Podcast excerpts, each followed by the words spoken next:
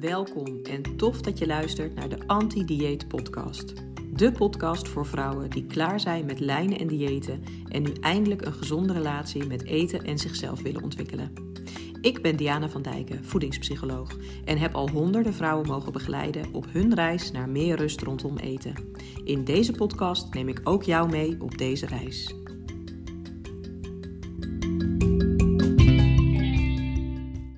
Welkom bij weer een nieuwe aflevering van de Anti-Dieet Podcast. En na 53 afleveringen vond ik het wel eens tijd voor wat verandering. Dus vanaf deze aflevering ga ik werken met een nieuwe opzet met verschillende onderdelen. Het eerste onderdeel wordt wat viel op in de media. En dan natuurlijk met betrekking tot alles wat te maken heeft met de dieetcultuur, eten, lijnen, diëten, afvallen, etc. Maar ook met betrekking tot zelfzorg, zelfbeeld, lichaamsbeeld en feminisme. Het kan gaan over een cover van een tijdschrift, iets wat op tv voorbij is gekomen, reclame, maar natuurlijk ook gewoon over de eindeloze stroom aan social media content. Daarna volgt dan het hoofdthema. En dat kan een solo-onderdeel zijn, zoals vandaag, maar ook een interview met een fijne gast. En vandaag ga ik het hebben over hoe de wens om af te vallen het ontwikkelen van een gezonde relatie met eten en jezelf kan beïnvloeden. Ook ga ik ruimte maken voor een luistervraag. Dus heb jij een vraag die je graag beantwoord wilt hebben in de podcast? Stuur die dan vooral in via Insta, voedingspsycholoog, of mail me op info.dianavandijken.nl. En dan sluiten we vanaf vandaag af met de tip van de maand.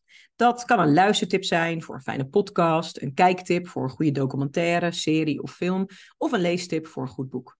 Uiteraard allemaal weer gerelateerd aan het loskomen uit de dieetcultuur een gezonde relatie met eten en jezelf ontwikkelen, zelfzorg, zelfbeeld of lichaamsbeeld. Nou, laten we starten met het eerste onderdeel. Wat viel op in de media? Nou, het is al even geleden dat het breed uit werd uitgemeten in de media, maar de afgelopen maanden is er steeds wel een BN'er die dag 1 volgt. Isa Hoes, Helene van Rooyen, Halina Rijn, ze raken er niet over uitgepraat hoe goed het werkt. Ze showen hun afgetreden lichamen in goede lingerie op prachtige foto's. Dat moet gezegd worden. De foto's zijn prachtig. Dat ze voor het maken van die foto's uren niet mochten drinken en nog wat flinke krachttraining moesten doen, zodat hun spieren zo goed mogelijk uitkwamen, beïnvloedt uiteraard wel ook het eindresultaat van die foto's. Net als het feit dat die foto's zijn genomen in goed licht, in de meest ideale houding en door een topfotograaf. Maar hey, het resultaat is er en dat willen ze natuurlijk ook graag showen. Maar wat is dat nu, dat dag 1 programma? Sorry, dat dag 1 programma. Nou, ik heb de website er eens even bijgepakt. En wat daarop te vinden is, is eigenlijk vrij minimaal. Namelijk, je start met een dag op locatie van 10 tot 5. En op deze dag ontvang je informatie, supplementen, proef je de shakes die je gaat gebruiken en ontvang je een koele drinkbeker. En dat mag ook wel als je ziet wat je betaalt voor dit programma. Maar daarover zo meer. Na die dag ga je zes weken lang elke dag een uur aan jezelf werken. Je krijgt een persoonlijk programma met gevarieerde maaltijden, workouts en uitdagingen. En het lijkt de bedoeling te zijn dat je dan dus elke dag een uur gaat sporten volgens een door hen opgesteld schema. De vrouwen die eraan meededen en die hun resultaten deelden, vielen gemiddeld zo'n 8 tot 10 kilo af in een week of 6, 7. Nou, om dat voor elkaar te krijgen, moet je echt heel weinig calorieën binnenkrijgen en flink bewegen. Nou, Helene van Rooyen vertelde daarover dat ze zes weken lang, vijf dagen in de week krachttraining deed, intermittent fasting toepaste elke dag 10.000 stappen moest zetten en ook nog drie keer per week 20 minuten cardio moest volgen. En dat alles op zo'n 1100 calorieën per dag. Klinkt dat als een echt goed idee? Um, nee. En daar betaalden deze dames, schrik niet, 2500 euro voor. Dat is nou niet bepaald weggelegd voor de gemiddelde Nederlander. Net zoals het voor de gemiddelde Nederlander met een baan, gezin en een huishouden ook niet is weggelegd om zeven dagen in de week te sporten. En wat deze dames natuurlijk ook met elkaar gemeen hebben, is dat ze voordat ze met dag 1 begonnen, al hartstikke slank waren. Dus de foto's die zij delen, zijn voor het overgrote deel, voor de mensen die willen afvallen, totaal onbereikbaar qua resultaat. Maar het zijn wel de foto's die gedeeld worden en die mensen ertoe verleiden zo'n programma te gaan volgen. De oprichters van het programma geven trouwens aan dat het echt geen dieet is. Er is een voedingsschema, er is een beweegschema Maar het is geen dieet, een leefstijl. Nou, trek zelf je conclusies, zou ik zeggen. Nou, voor zover wat mij in ieder geval opviel in de media in de afgelopen periode.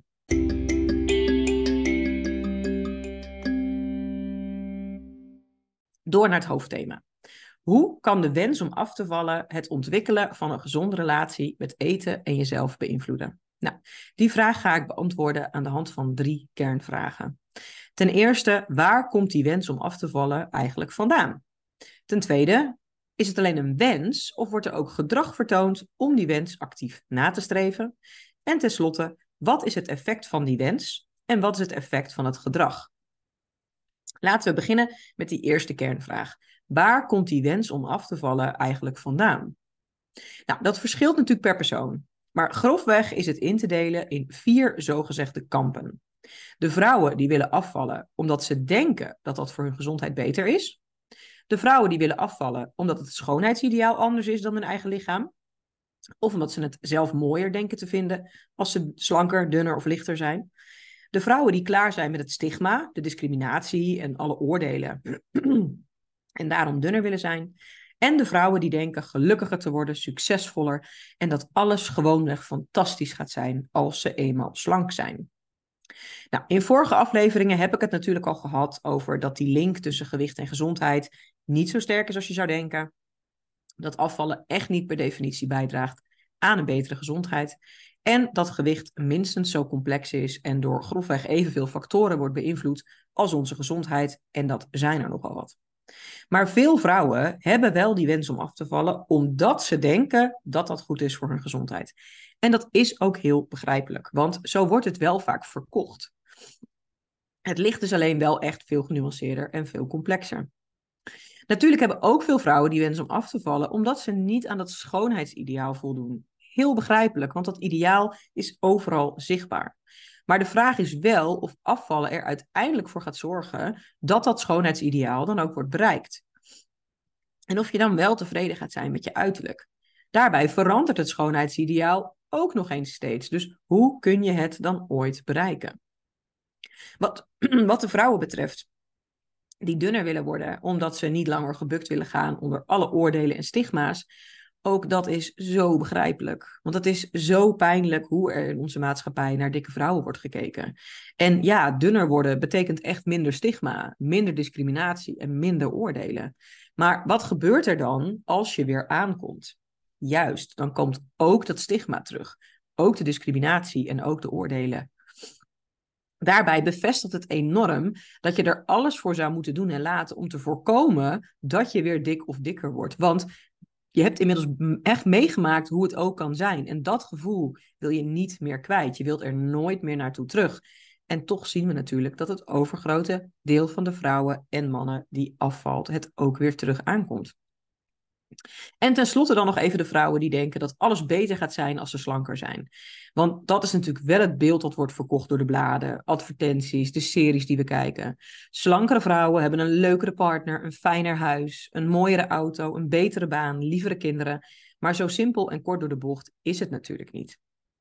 Slanke vrouwen zijn echt niet per definitie beter af, ook al hebben ze niet te maken met dat stigma, de discriminatie of de oordelen. Ook slanke vrouwen zijn gewoon ongelukkig gaan scheiden, hebben een huis met een lekkende kraan of een verstopte wc, hebben een saaie baan, een auto die er de brui aan geeft en kinderen die niet mee willen werken.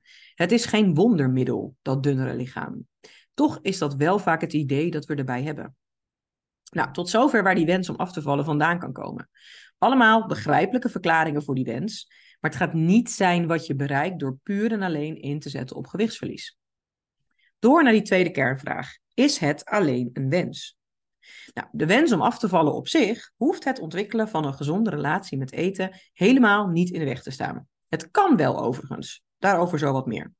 Maar het actief nastreven van die wens, door je gedrag daarop aan te passen, staat het proces van een gezonde relatie met eten en jezelf ontwikkelen wel echt in de weg. en dat is zonde, want dan bereik je dus niet wat je zoekt. Die rust rondom eten. Gewoon kunnen genieten van eten. Eten omdat je dat wilt en niet omdat je er voor je gevoel een drang naar ervaart. Er niet vanaf kunnen blijven of dat het allemaal op moet. dan stopt het eten omdat je bepaalde emoties niet wil ervaren niet. En zal ook de relatie die je met jezelf hebt niet verbeteren. En dat mag, hè? Dat is uiteindelijk aan jou. Maar als je wel graag die gezonde relatie met eten en jezelf wilt ontwikkelen, dan is het goed om eens even stil te staan bij het effect van die wens. En daarmee komen we ook meteen op die derde kernvraag. Want wat is het effect van die wens om af te vallen op ons gedrag, ons gevoel en onze gedachten? En wat is het effect van het actief nastreven van die wens qua gedrag, gevoel en gedachten? Heel veel vrouwen hebben de wens om af te vallen en dat is dus heel begrijpelijk.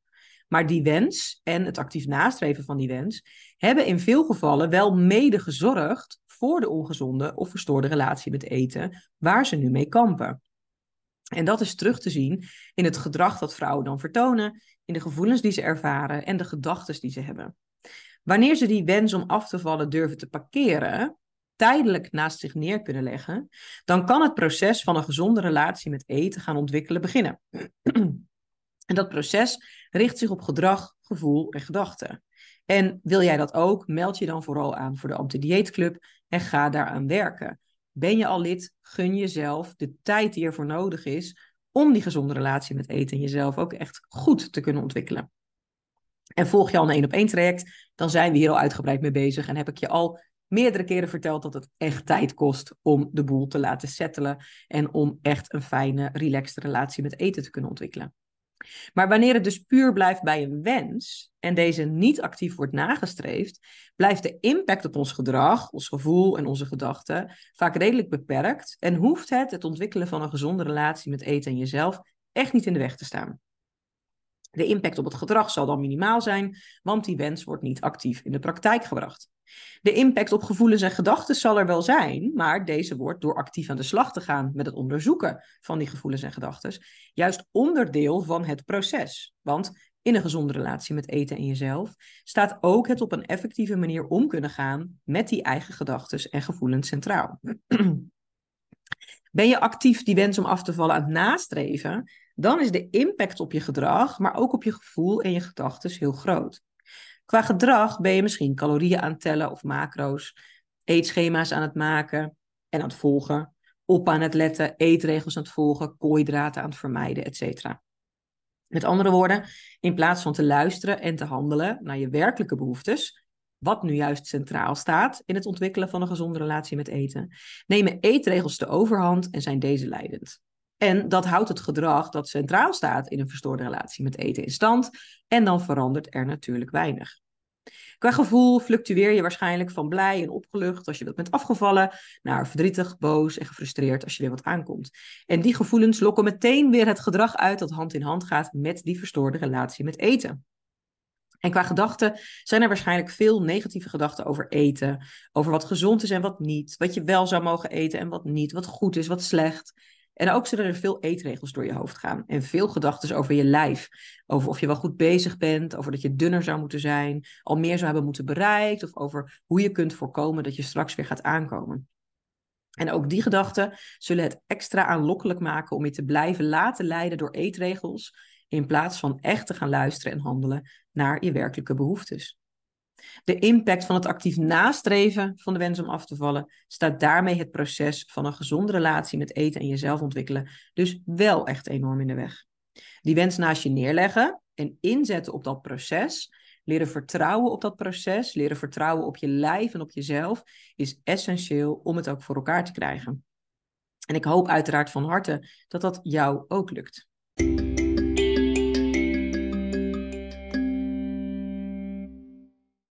Door naar de luistersvraag, die in deze eerste aflevering, volgens het nieuwe format, eigenlijk een volgersvraag betreft. Want een van mijn volgers stuurde mij deze vraag via Instagram. En die heb ik toen uiteraard al even kort beantwoord. Maar dat doe ik hier graag dus ook nog even, omdat de luisteraarsvraag natuurlijk een nieuw onderdeel betreft. En er dus nog geen vraag was binnengekomen. Maar ook omdat ik denk dat het antwoord op deze vraag ook voor jullie heel interessant kan zijn. Ehm, en maak dus vooral gebruik hè, van die mogelijkheid om je vragen te stellen. Even terug naar die volgersvraag. Deze luidde als volgt. Heb je, als je een gezonde relatie met eten hebt ontwikkeld, nog steeds wel eens heel erg zin in chocola of gaat die zin in lekkers weg? Want volgens mij heb ik namelijk al best wel stappen gezet in een gezondere relatie met eten ontwikkelen. Maar soms heb ik zo'n zin in chocola dat ik er echt niet van af kan blijven. Ja, natuurlijk heb je ook als je een gezonde relatie met eten hebt, nog wel eens ontzettend zin in lekkers. Wat dat lekkers voor jou ook mag zijn. Dus dat kan chocola zijn, maar ook koek of chips of ijs of wat dan ook. En het is echt heel normaal om zin te hebben in iets lekkers. Het wordt pas iets om bij stil te staan als je voor je gevoel wel heel vaak zin hebt in iets lekkers. Of wanneer je het gevoel hebt dat je er echt niet van af kunt blijven. Want wanneer jij het gevoel hebt dat je er niet van af kunt blijven, dan is er vaak iets anders aan de hand dan gewoon simpelweg zin hebben in iets lekkers. Dan is er veel vaker sprake van eten uit beloning, troost of compensatie, om te dempen of om te doven. En niet gewoon omdat je zin hebt in een stukje chocola. Dus dat onderzoeken is oprecht heel belangrijk. En heb je heel vaak zin in iets lekkers, en misschien wel veel vaker dan dat jij voor je gevoel eigenlijk normaal vindt of gewoon vindt of acceptabel vindt, ook dan is het goed om stil te staan bij waar jij dat lekkers eigenlijk voor gebruikt.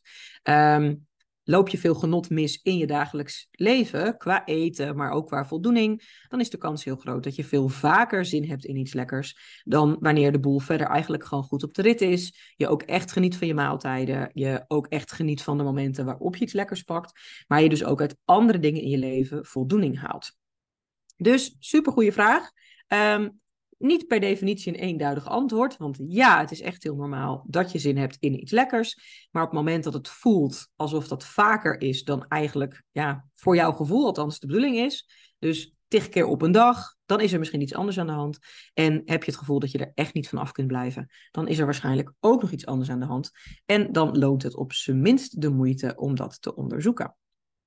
Nou, heb jij dus ook een vraag die je beantwoord wilt zien in de podcast? Stuur die dan naar uh, voedingspsycholoog, stuur me een DM'tje of stuur een mailtje naar info.dianavandijken.nl. Ik ben heel benieuwd naar jullie vragen.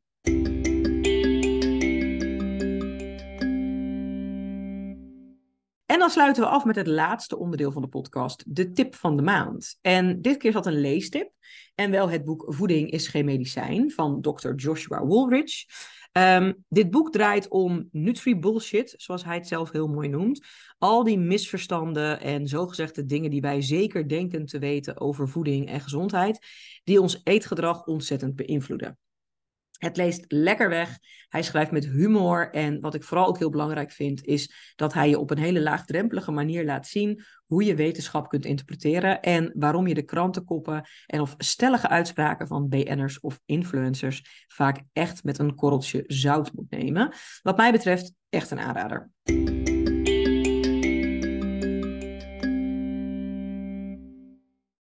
En daarmee zit deze eerste aflevering Nieuwe Stijl van de Anti-Dieet Podcast er alweer op.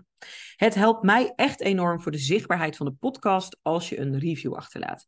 Velen van jullie hebben dat al gedaan en daar ben ik ook echt onwijs dankbaar voor. Want meer reviews zorgt ervoor dat meer mensen en vooral vrouwen deze podcast voorbij zien komen op bijvoorbeeld Spotify. Het helpt als je een sterretje achterlaat, maar vooral ook wanneer je een geschreven review achterlaat. Dat kan in Spotify, Apple Podcast, Google Podcast. Ja, eigenlijk helpt gewoon alles. Dus ook mij volgen door bijvoorbeeld op het belletje te klikken in Spotify helpt voor de zichtbaarheid. Um, deze podcast onder de aandacht brengen van andere vrouwen door afleveringen te delen, dan wel via WhatsApp of via social media, helpt ook heel erg. Ehm, ik wil natuurlijk gewoon heel graag zoveel mogelijk vrouwen bereiken die zich los willen maken uit de dieetcultuur. Dat is een hardnekkig proces. Dat is ontzettend belangrijk, maar ook heel moeizaam. Um, dus hoe meer vrouwen de podcast te horen krijgen, ja, hoe groter de kans dat we als vrouw zijnde ons massaal los gaan weken uit die dieetcultuur. En uh, nou ja, uit al die stigma's en hoe de maatschappij momenteel nog kijkt naar vrouwen in een dikker lichaam. Dus super lief als je dat voor mij wil doen. Heb je het al gedaan? Onwijs bedankt. Ga je het nog doen? Alvast bedankt. En daarmee zit deze aflevering er dan nu wel echt op. Dus tot de volgende keer. Hoi!